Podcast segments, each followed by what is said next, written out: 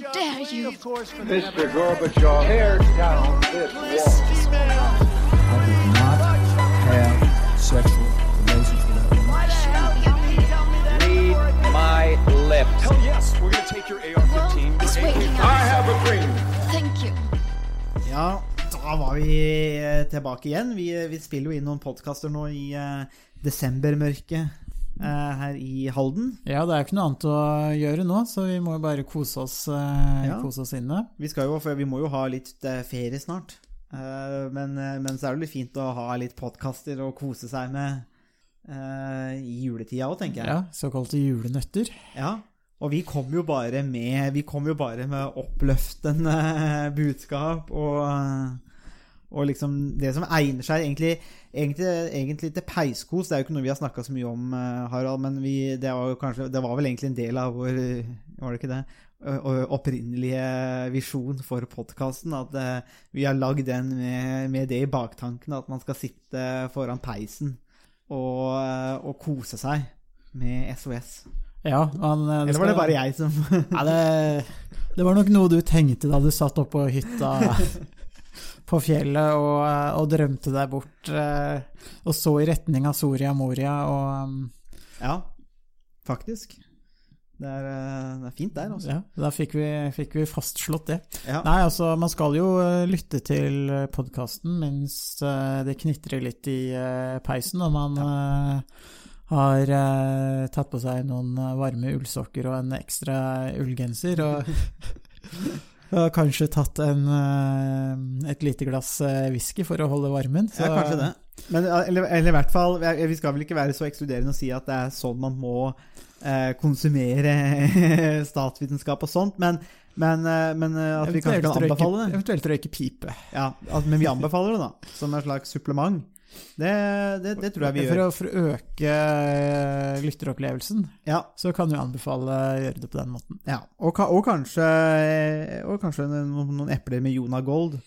Ikke minst. Ikke, Ikke minst. minst. Da, da må man egentlig til Sverige, og det er jo litt vanskelig Det var litt- det var litt eh, vanskelig. akkurat nå. Så um, Ja, det er jo egentlig det er jo, Dette er jo faktisk første gangen eh, Eller ja, det er jo ikke så lenge, da, men på noen år så har jeg pleid å reise over Altså Nå reiser vi til stort sett til Sverige og handler uansett, men vi pleier liksom å få besøk av moderen uh, ute i desember, og så er det liksom eh, over til Sverige og, og gjøre noe handel der, og julegaver og sånne ting. Og det har jo egentlig vært en litt sånn Egentlig litt artig tradisjon å reise til Nordbysenteret, prøve å være der klokka ti.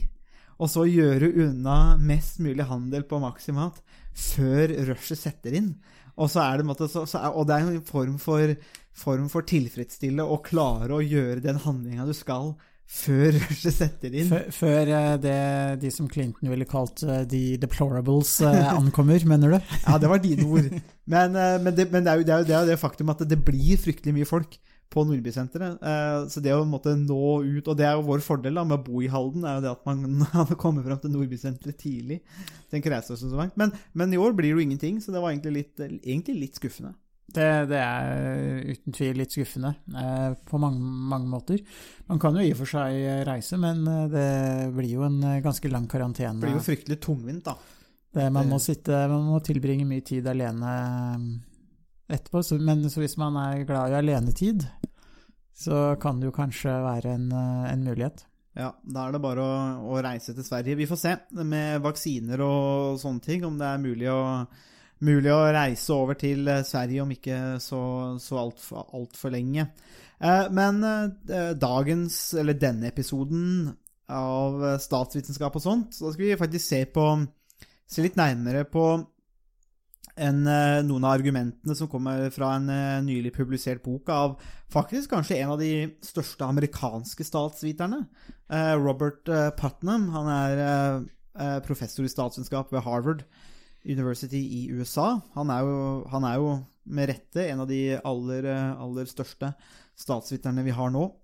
Og, og, vi, og vi skal jo da, Og vi har jo snakka mye i podkasten om, om dette med, med, med, med samfunn, fellesskap eh, og rettigheter. Eh, og i den debatten så inngår jo liberalisme, som vi har brukt mye tid på å snakke om, men også politikk. Og alt dette her, altså politikk eh, og det foregår ikke noe vakuum. Ikke? Det er jo samfunnsrammer. Det foregår innenfor det, det, det politiske systemet, eller de, disse rammene. Og der er, jo, er det jo fryktelig mye å snakke om. Og når det har kommet til USA, så, så tenker jeg at en av de store debattene vi har sett i nyere tid òg, går jo nettopp på dette med fellesskapet, med, med kanskje borger, altså fel, ja, borgerfellesskapet, altså, tillit og, og hvordan samfunnet henger sammen der. og i den, I den anledning så har jo Putnam kommet med et, eh, et, nytt bidrag til den debatten, for å prøve å liksom illuminere eller lyse opp eh, noen enkelte sider av den debatten. Og det har du da sett nærmere på,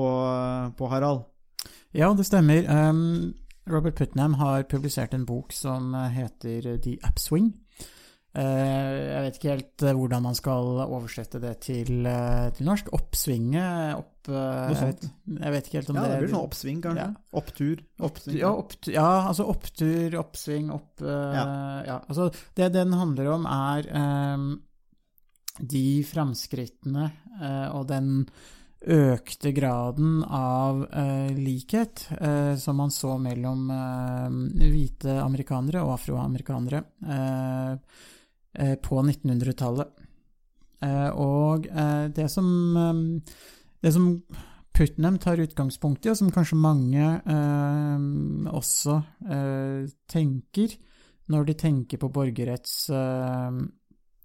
borgerrettskampen på, på 50-60-tallet, mm. er at det fram til, til rundt 1960-1970 så var det stor, store forskjeller mellom, eh, mellom hvite og eh, svarte i eh, USA. Mm. og at det var med borgerrettskampen og de formelle likhetene man etter hvert etablerte på 60-tallet 60 og rundt 1970, at man begynte å få en, en større grad av, av likhet mellom hvite og svarte eh, amerikanere. Mm. Uh, og, Putnam beskriver den måte, fortellingen som en slags sånn, så historien om en hockeykølle. En flat utvikling som foregikk over lang tid. Uh, eller en flat utvikling over en lang periode hvor det skjedde lite, og så et, et kraftig oppsving på 60-70-tallet. Mm.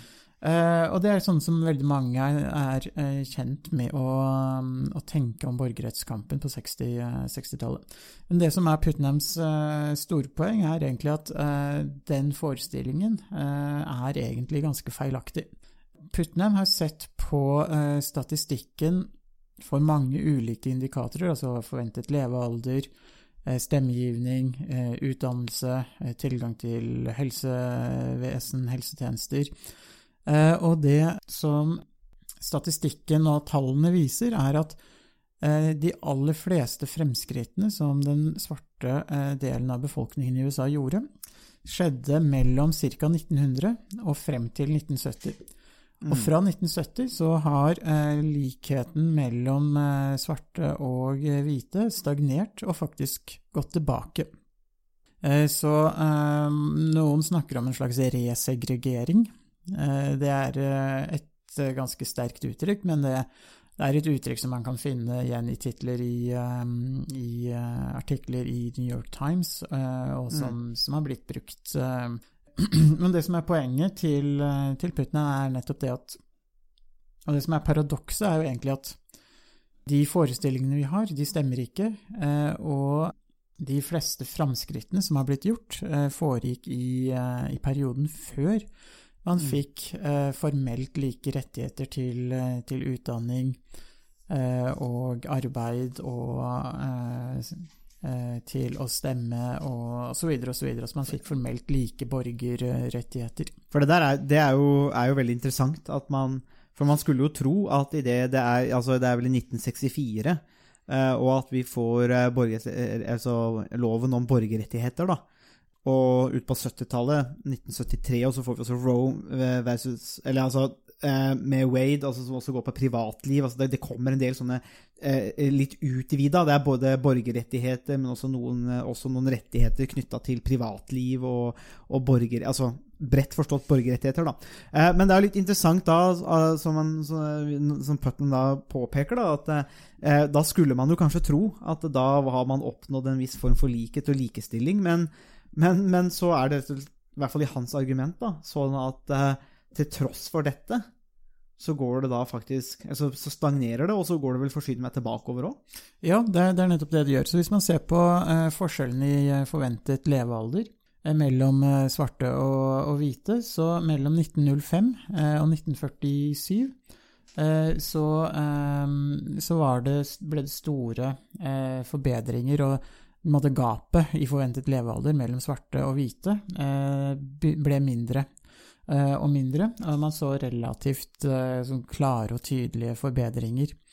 Og etter 1947 så har det faktisk vært ganske, bare ganske beskjedne, beskjedne, beskjeden fremgang. Og i 1995 så var det den samme forventede levealder som i 1961, eller altså forskjellene, da.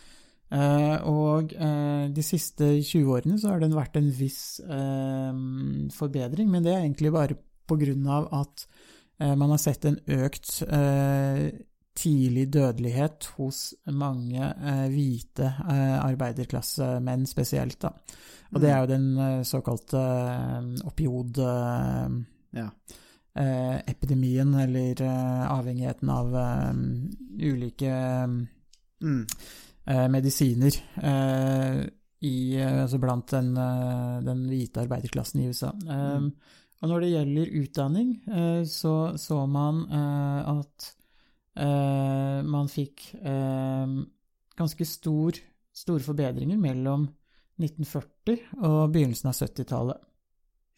Eh, Etter begynnelsen av 70-tallet så har man sett at det har gått saktere, og man har aldri sett at det er blitt en reell likhet. Og eh, det samme gjelder eh, grunnskoleutdanning, hvor man også har sett eh, at eh, forbedringene begynte veldig tidlig, så mye tidligere enn det man har tenkt. Det, eh, man fikk et, ganske stor, et ganske stort oppsving i, eh, på 50-tallet. Mm. Men siden begynnelsen av 70-tallet igjen, så har det eh, igjen gått, eh, gått Rett og slett gått tilbake. Og Putnam snakker om en slags beskjeden resegregering når det gjelder når det gjelder utdannelse. Det samme ser man på inntekt, det å eie sin egen bolig.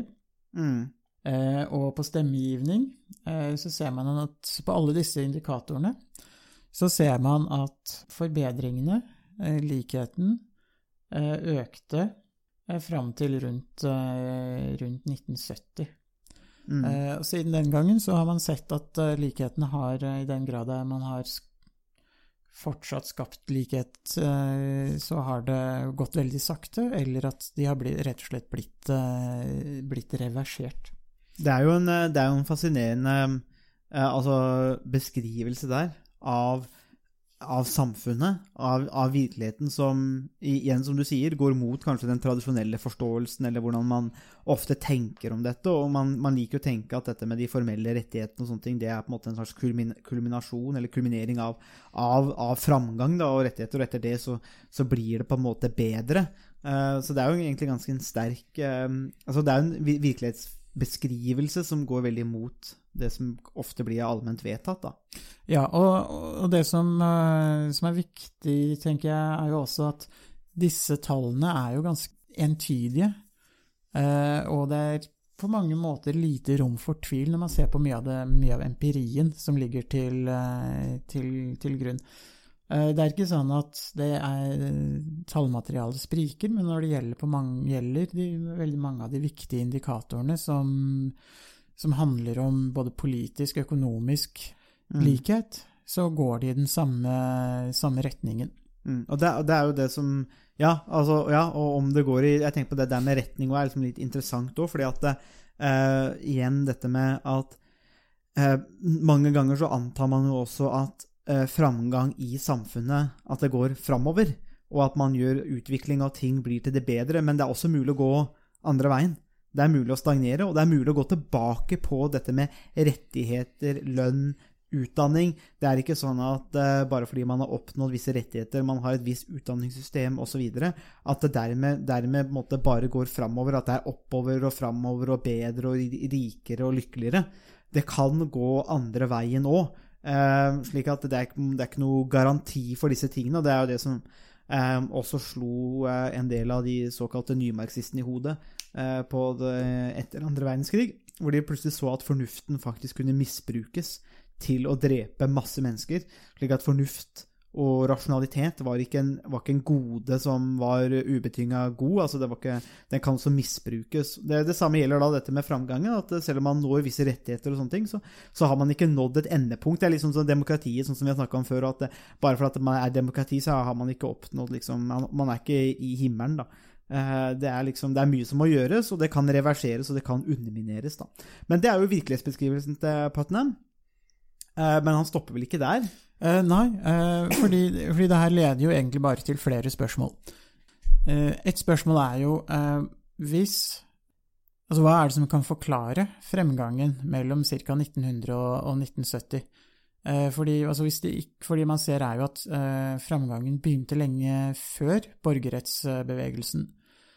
Og fremgangen stoppet opp omtrent da borgerrettsbevegelsen var på sitt eh, sterkeste og på, på, på sitt politiske høydepunkt rundt slutten av 60-tallet, begynnelsen av 70-tallet. Så, så det er jo spørsmålet hva er det som forklarer eh, fremgangen eh, man så i store deler av eh, 1900-tallet? Mm. Eh, Og forklaringen eh, på fremgangen er egentlig ganske enkel, eh, og det kan spores til eh, de store migrasjonsbølgene av svarte eh, fra eh, sørstatene til eh, nordstatene, som foregikk eh, over eh, en lang periode fra slutten av eh, 1800-tallet og eh, frem til eh, langt ut på 1900-tallet. Og eh, i og for seg eh, er det jo fortsatt en, eh, en, eh, en stor andel migrasjon innad i, eh, i USA. Så det som forklarer eh, framgangen, er rett og slett at eh, svarte afrikanere flyttet fra sørstatene, hvor de var gjenstand for eh, diskriminering og segregering, og eh, det som eh, var et både implisitt og eksplisitt et slags apartheid-samfunn, som til en viss grad kan sammenlignes med med eh, Sør-Afrika, eh, slik det er for de som husker, eh, husker Sør-Afrika, Mm. fram til, til rundt 1990.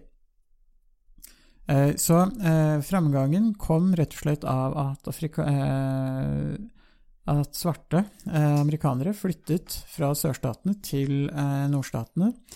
Eh, eh, ikke bare nordstatene, men også Los Angeles, California, eh, som man kan si vest eh, og nord, nordover. Eh, der fikk de automatisk bedre jobber, eh, bedre boligforhold, eh, tilgang til bedre mm, helsetjenester eh, osv. osv. Mm. Så det som forklarer framgangen, er rett og slett migrasjonsbølgen fra eh, sør til, eh, til nord. Det, blir nesten litt sånn eller, eh, Litt sånn eh, i den amerikanske myten med 'Go West, young man'. At du kan utvide paien ved å gå vestover på det store kontinentet og hele tida utvide, utvide, utvide og få en velstandsøkning. Mens her så er det egentlig 'go north', gå nord. Eh, og den migrasjonen som da har bidratt til å det blir, det blir egentlig nesten den samme formen for, for migrasjonsbølge. Og det er, det er ofte det man glemmer, egentlig kanskje i dagens debatt i USA, om at man ikke vil ha, eller man vil, særlig med Trump-administrasjonen, man vil ikke ha så mange immigranter og innvandrere, mens uh, mye av velstanden i USA er jo egentlig tufta på at man kunne faktisk migrere, flytte på seg, finne nytt land, hele tida utvide, utvide, utvide. Så det er jo litt interessant da, at det, det, det, det, dette er på en måte kanskje litt mer sånn internt, at man da har gått fra sør til nord, da. Uh, Ja. å- ja. Uh, så eh,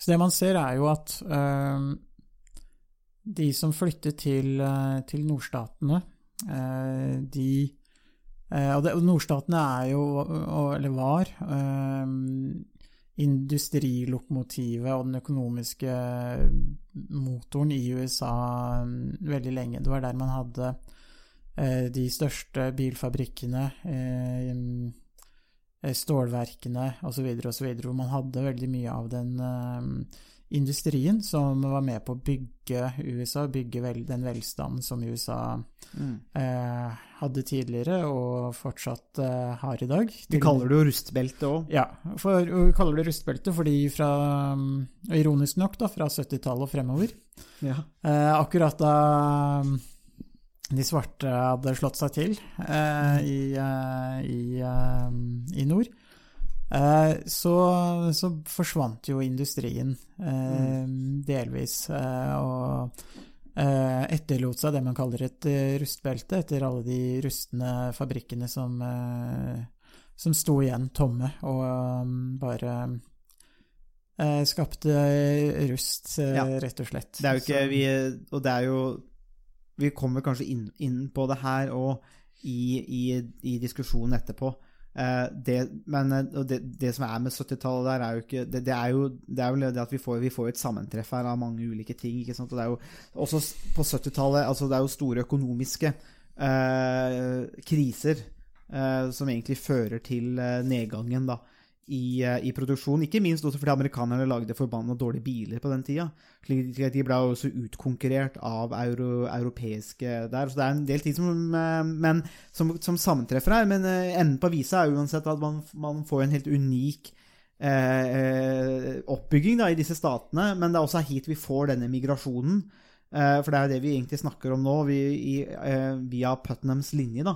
For dette er jo en del av hans forklaringsmodell. Vi sier jo ikke at dette, at dette er sannheten, men nå, nå er vi jo bare inne og forklarer på en måte hvordan han forsøker å forklare For han har jo beskrevet Harald, Du har jo gitt en, en, en god redegjørelse. Sensoren er fornøyd her. Jo, takk, takk for det. Jeg håper, det, håper jeg får, eh, får bestått. Ja, sen, sen, sensoren noterer seg at kandidaten har redegjort for eh, Putnams teori på en god måte. Ja, takk for det. Eh, men eh, så må vi jo inn og se litt på hvordan Putnam har, forsøker å måte, forklare dette. og Du, du har da knytta dette med migrasjon. og hvor, hvor tar vi det videre derifra? Ja, eh, jeg syns det er veldig interessant det du var eh, inne på nå nettopp. eh, Hvordan 70-tallet eh, var på mange måter et, et tiår som var et sammentreff av uheldige omstendigheter på mange måter. Både økonomisk, sosialt og politisk. Mm.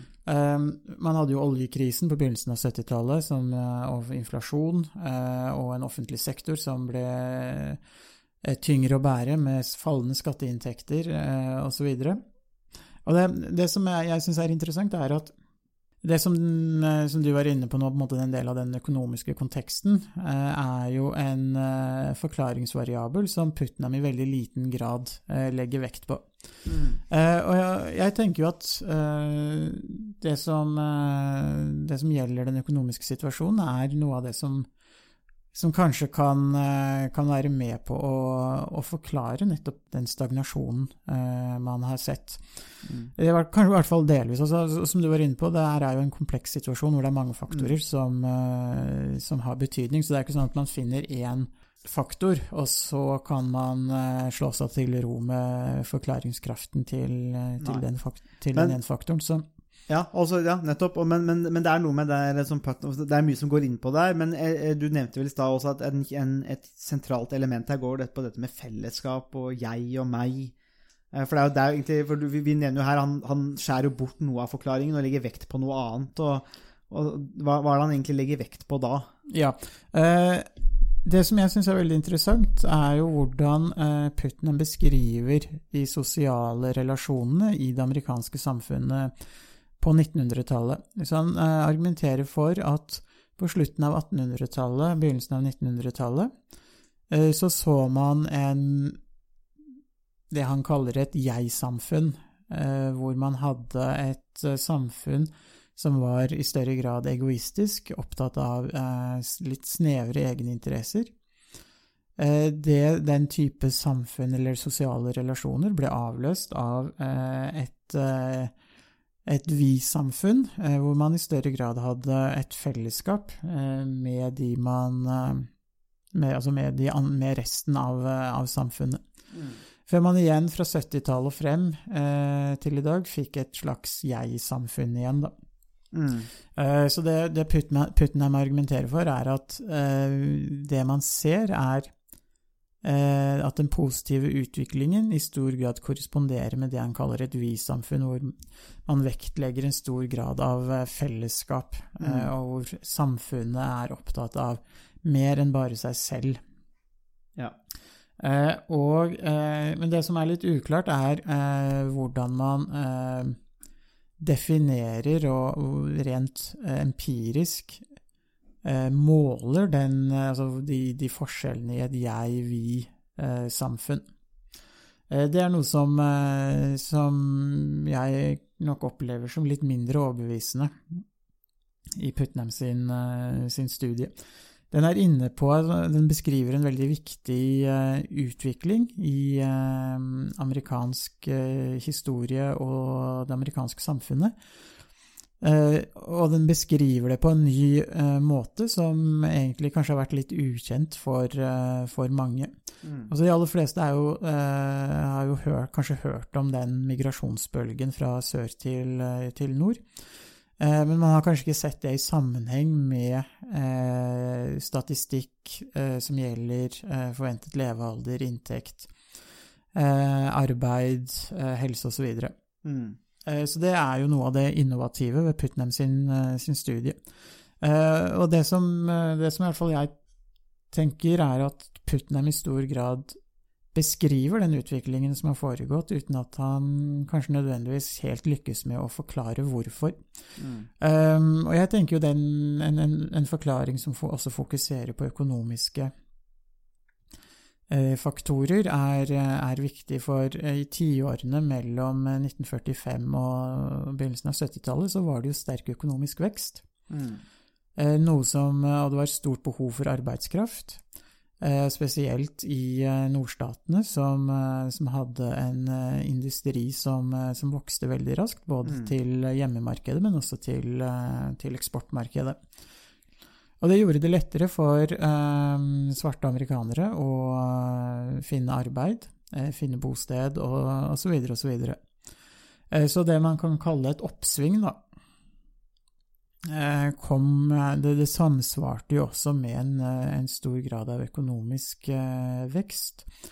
Og når den økonomiske veksten til en viss grad stagnerte, så stagnerte jo også de fremskrittene som, eh, Mm. som den, den svarte befolkningen gjorde. Så, så her kan man, eh, altså man kan beskrive situasjonen på den samme måten, eller på en, altså man kan si at beskrivelsen eh, gir god mening, men så kan man forklare det på ulike måter. altså Man kan forklare det med utgangspunkt i det som vi kanskje vil kalle, som kan, vi kanskje tillegger en viss vekt, eh, nemlig økonomiske eh, forklaringer. Altså den økonomiske situasjonen har hatt betydning.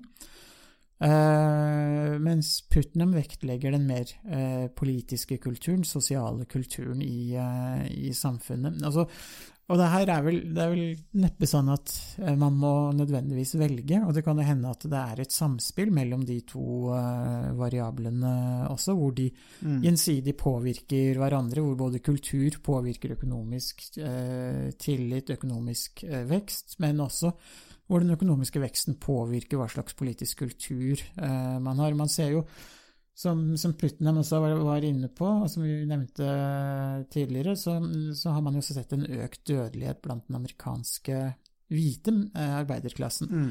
som også samsvarer både i tid eh, og rom og med eh, den stagnasjonen som man har sett for, eh, for svarte amerikanere. Jeg tenker det er jo Jeg pleier ofte å si, eller å henvise litt til det der med Det er noe med den virkelighetsforståelsen, eller om vi lever i samme verden, eller om vi deler samme verden og utfordringer. Og, eh, jeg tenker alltid tilbake til altså JP Morgan, eh, som grunnla, grunnla den store investeringsbanken. Eh, som også svindla mange amerikanere før finanskrisa i 2008, men som over natta ble sosialister og ba om, ba om bailout fra, på, skatte, på skattebetalernes regning. Det er rart hvordan det der fungerer. Konkurranse og litt sånn var plutselig ikke så moro når du, når du mislykka. Eh, Men de, de fikk jo også store bonuser, det er ikke det. Men JP Morgan uttalte eh, i sin tid at eh, inntektsforskjellen mellom lederne og de ansatte i samfunnet, de som jobba på gulvet kanskje, og lederne, ikke burde overstige 1 til 20. i grad. Um, for hans, hans tanke var da at, eh, at eh, det, må være, det må være inntektsforskjeller for å måtte drive konkurranse og sånne ting, og det kan man jo eh, det, virke- altså, de gir jo en viss mening. Men han mente at den inntektsforskjellen måtte ikke være for stor, for hvis den var for stor, så slutta man å leve i samme virkelighet. Og hvis man ikke kan nå opp til de høyere nivåene, så mister man det insentivet, og da er det, er det på en måte bortkasta, egentlig. Eh, mens i USA i dag, og dette er jo også en utvikling som har skjedd da særlig siden 1970-tallet, er det at i dag er inntektsforskjellen mellom 1, eh, mellom 1 og 500 og 1 til 1000. Det vil si at eh, eh, man slutter å leve i samme virkelighet. Så jeg tror at de økonomiske faktorene eh, er veldig viktige da, som en, en del av forklaringsvariabelen. Fordi at eh, de økonomiske forskjellene, eh, hvis de blir for store, eh, påvirker sosial mobilitet. Eh, det kan også motvirke eller ødelegge eller underminere tillit. Eh, men den der muligheten fordi jeg tenker også at hvis, har, hvis du kommer, da, selv om du kommer fra om det er Hallingdal eller om du kommer fra eh, Borgerbunn, det å ha muligheten til å klatre til topps ved HJ, eh, det er jo Men, men det gir jo da det, altså, det, det gir jo også borgerne et eierskap. Altså man, man, man tar eierskap i samfunnet fordi man har mulighet til å klatre uh, på de tingene der. Uh, slik at jeg tenker at Det økonomiske har mye å si, selv, selv på det Putnam ønsker å forklare. Så tenker jeg at det økonomiske har fryktelig mye å si, for det spiller inn i, i Det spiller sammen da, med dette fellesskapet. For det er jo det Putnam snakker om òg. Er jo også da hans, en av han, eller kanskje det som er hans forklaringsvariabel, da, slik jeg også forstår deg, handler om dette med fellesskapet. Jeg og meg, men, da, men det at det er oss. Dette er vi. Og det er jo også en veldig viktig kapasitet i menneskelig samfunn, det å kunne si vi. We the people. Det ligger mer makt i we the people enn å si jeg som diktator, litt sånn som Trump gjør. Men så jeg tenker at det økonomiske spiller inn på dette med fellesskapet. og men der òg ligger det en veldig interessant filosofisk, politisk, statsvitenskapelig debatt. Eh, Dette der med fellesskapet, altså tenker jeg er så viktig eh, Jeg veit ikke om Putnam på en måte klarer å redegjøre godt nok for det, og man tar hensyn til det, men jeg tenker uansett at det er jo en veldig viktig sak å diskutere dette med fellesskapet, i hvert fall sånn som vi ser i dag, for vi kan jo tenke, tolke dette med BLM, Black Lives Matter, eh, statueriving og sånne ting òg, som en at samfunnet bryter sammen, eller fellesskapet, mener jeg, eh, er i ferd med å bryte sammen i USA. Jeg vet ikke hva du tenker om det, den delen der. Ja, jeg vil, jeg vil egentlig bare fortsette litt uh, på noe av det du var inne på nå. Uh, hvis man ser på um, inntektsfordelingen mellom de um, ulike inntektsgruppene uh, i USA, så har man jo sett at den fjerdedelen av befolkningen som har de laveste inntektene, de har jo eh, fått en, en veldig svak inntektsutvikling fra 70-tallet og, og frem til, eh, til i dag. Og det er mange eh, svarte amerikanere var jo nettopp i den eh, eh, gruppen i utgangspunktet, og når den gruppen Og det her er jo en gruppe som inkluderer både altså mange ulike Mm. grupper, eh, kulturelle eh, og grupp, kulturelle grupper, raser osv. Så, videre. det gjelder jo ikke bare svarte eh, amerikanere, men det gjelder jo også eh, den hvite arbeiderklassen. Så alle som tilhørte den, den gruppen som, eh, som hadde de, eller den fjerde delen, som hadde de laveste inntektene, de har jo fått en mye svakere utvikling eh, fra 70-tallet og frem til i dag. Og det er jo noe av, tenker jeg noe av det som er med på å forklare hvorfor det har stagnert. Og det har jo ikke stagnert bare for den svarte andelen av befolkningen som var i den, eh, den laveste fjerdedelen, men det har jo også stagnert for den hvite. Eh, de de hvite eh, som også var den hvite arbeiderklassen, som også var en del av de, den, den fjerdedelen som hadde de laveste inntektene. Eh, Så er, det er jo en, en trend som i og for seg ikke bare handler om, eh, om rase eh, eller etnisk tilhørighet, men som, som i, i stor grad gjelder uavhengig av, av rase. Eh, og så har det kanskje litt ulike effekter på eh, på hvite og, og svarte. Hvite bruker i større grad opiater. Eh, Mm. Svarte eh, bor i litt andre, kanskje litt andre bydeler, eh, som, eh, eh, overvåkes ganske nøye av politiet, og som kanskje i større grad da ender i, i fengsel. Mm. Noe man til, ganske tydelig også har sett i, i USA. Den svarte andelen av befolkningen, eh, i hvert fall den mannlige delen, Mm. har en tendens til å ende opp eh, i fengsel eh, i mye større grad enn andre, andre grupper. Mm. Eh, så, um, men den eh, Så jeg, jeg tenker den uh, ideen om, uh, om fellesskap uh, på en måte kan være litt problematisk, som, som Putnam eh, vektlegger eh, i så stor grad. Delvis fordi det skygger for den økonomiske Mm. eh, aspektet, eh, som også er, eh, er viktig. Men, men også litt fordi at eh, eh, det er litt uklart hvilken rolle eh, man kan, altså hvordan man kan skape kulturelle, eller den kulturen som skaper et vi- eller oss-samfunn. Mm. det som Putnam også er inne på, er jo han, skriver at de fellesskapene som eh, i stor grad eksisterte på 1900-tallet, var basert på, eh, på rase og sosial tilhørighet eh, til bestemte grupper. Eh, og det som var problemet med den type fellesskap, var at de, de var litt for snevre og litt for smale. Eh, og eh, det som er utfordringen, er å skape fellesskap som er mye bredere og videre enn at de fokuserer på etniske grupper eller sosial klasse eller Mm. tilsvarende. Og det er jo noe av det som er det store problemet i et moderne, pluralistisk samfunn. Eh, og det er rett og slett fordi at eh, vi har friheten til å etablere de fellesskapene og de båndene vi, eh, vi ønsker.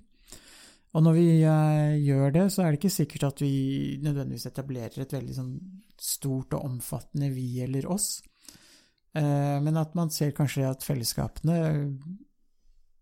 blir litt, litt mindre og litt annerledes. Mm. Eh, Så, så spørsmålet er hvordan man skal skape de eventuelt store fellesskapene, og om det egentlig er mulig i et moderne samfunn. Ja, for det tenker jeg jo nettopp akkurat det du tar opp nå, det tenker jeg kanskje tar oss til noe av det som er det sentrale kanskje i, i dagens diskusjon nå, tenker jeg. Dette om, om, om det er mulig. Jeg ser i altså Putnam har jo som et kapittel dette med eh, tribalism. Eh, eller stammetilhørighet til et fellesskap og tilbake til stammetilhørigheten.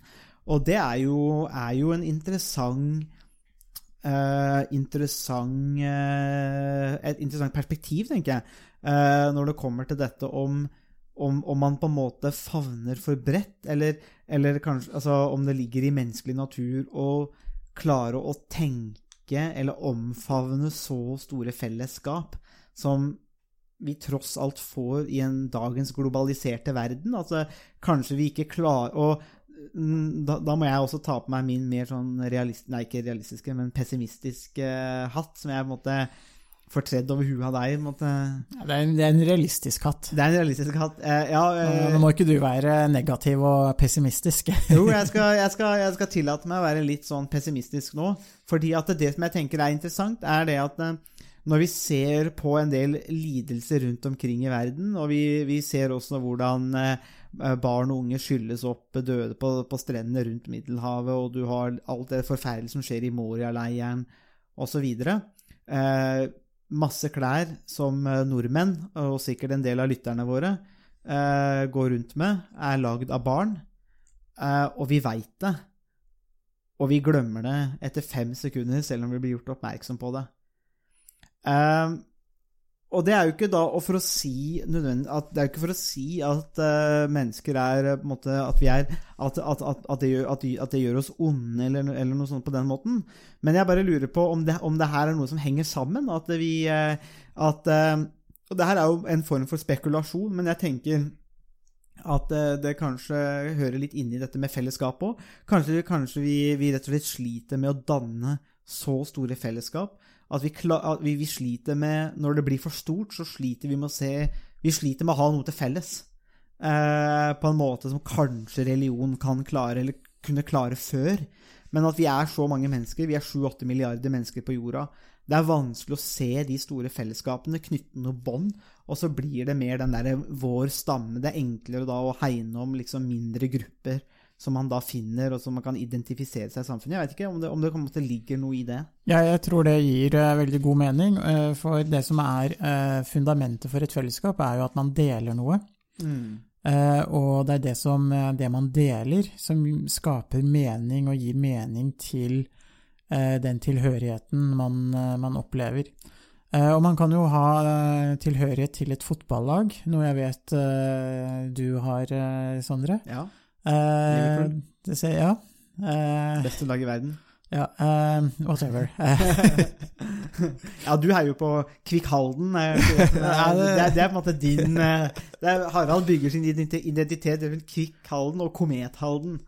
Jeg heier faktisk på, på Rovaniemi i Finland. Det er, det er, sært, men vi verdsetter det. Og, og Strømstad, da. Ja, og Strømstad, ikke minst.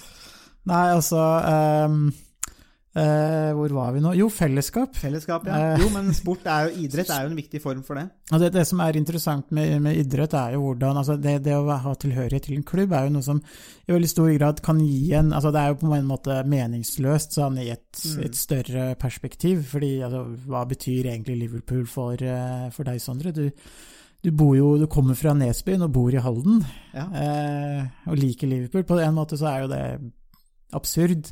Mm. Eh, men, Ja, ja, eh, men samtidig så er det veldig lett å se hvordan man kan eh, skape og danne en mening Mm. rundt den type eh, hva skal jeg si eh, ikoner da, som en fotballklubb eh, kan, kan være. Eh, så, så det er veldig konkret. eh, og man har et mål å vinne fotballkamper. vinne Champions League, som eh, Liverpool har gjort én gang, har de ikke det? Seks. Seks ganger, ja. Jeg husker bare én gang. Så, men uansett. um, ja. Videre. vi videre. Eh, Det var mer enn Rovaniemi, i hvert fall. ja, eh, nok om det. Nok om det. Eh, men i hvert fall, uh, så, så for at et, et når, man, når man trekker deg videre da, til et politisk fellesskap uh, som omhandler et mye større samfunn, en mye større gruppe, så er det mye vanskeligere å skape den felles meningen, fordi man deler ikke de samme målene. Alle som heier på Liverpool, deler de samme målene. Mm. Og, og det er veldig Gjør det veldig lett å skape det fellesskapet, men i politikken og i eh, et, et stort pluralistisk samfunn så deler vi rett og slett ikke så, så mye med hverandre. Og det her eh, er, handler jo også om hvordan eh, vi eh, Altså hvordan den politiske kulturen eh, påvirker eh, de politiske institusjonene.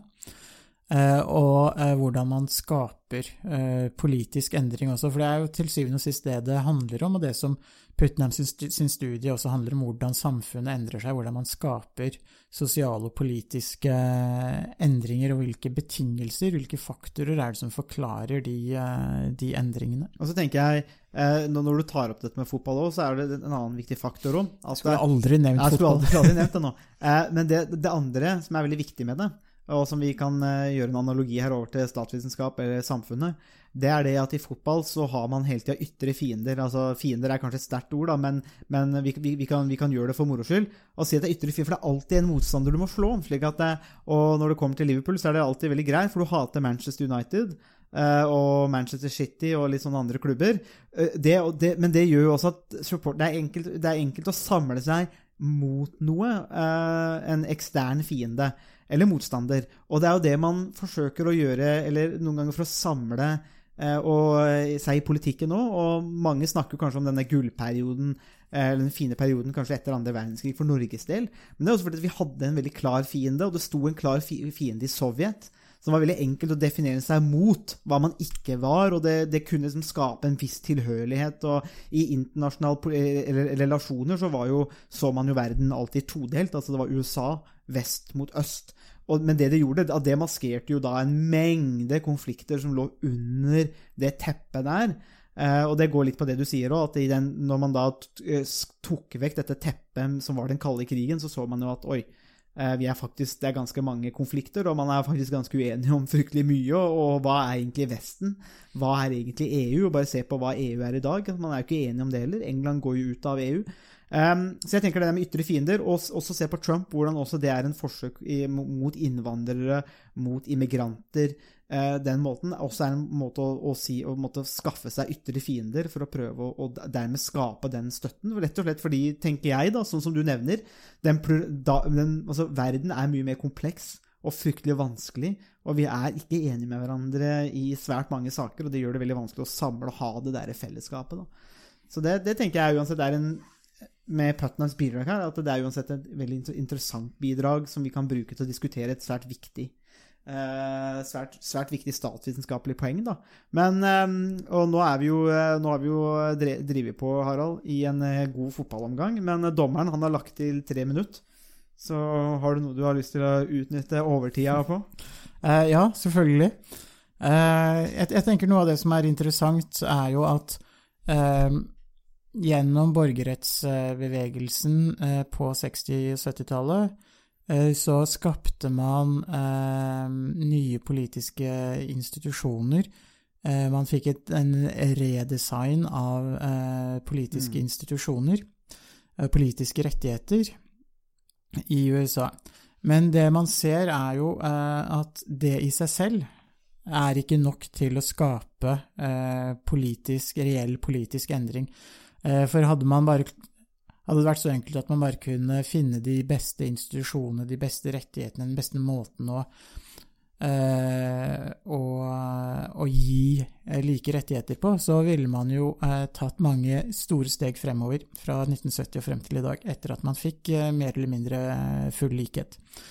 Men det man ser, er at politisk, den politiske kulturen, altså det du nevnte som tribalism, og det fellesskapet med en, eh, som også retter seg mot en, en ytre fiende eller motstander, og det er en veldig viktig del av det å definere fellesskapet, eller et fellesskap. Rett og slett fordi at eh, det, det er med på å definere hva man er. Altså, den, de andre er med på Så man definerer seg selv gjennom å se på de, at man ikke er som de andre. Eh, og det er jo noe som eh, mange politikere har brukt, og det er jo et av de eldste triksene i populistverktøykassa, eh, og noe som Trump har eh, utnyttet veldig eh, effektivt de eh, siste fire-fem årene. Så eh, det man ser, er at vi trenger mer enn bare institusjoner, som vi har vektlagt veldig mye i eh, mange av våre podkaster. Og institusjonalisme er veldig viktig, og politiske institusjoner betyr veldig mye, men i begynnelsen når man eh, skaper de politiske institusjonene, så er det stor mulighet til å påvirke institusjonene og forme de, eh, mens de senere vil kanskje leve litt mer sitt eget, eh, eget liv og være med på å opprettholde en slags balanse eller et bestemt eh, system. Så det er kanskje en, en slags uh, oppsummering av noen av de mer sånn statsvitenskapelige sidene og poengene som uh, studien til, til Putnam eh, reiser. Det var det vi hadde å by på i denne ukas episode av Statsvitenskap og sånt. Musikken er komponert av Robin Horvath, og Thomas Colato står for miksing og redigering. Du finner oss på Facebook, bare søk på statsvitenskap og sånt. Der kan dere komme i kontakt med oss hvis dere har spørsmål eller kommentarer.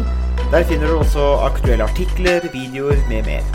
Vi setter pris på om dere liker sida, og deler den med andre som dere tenker vil ha glede av å høre på podkasten. Vi høres!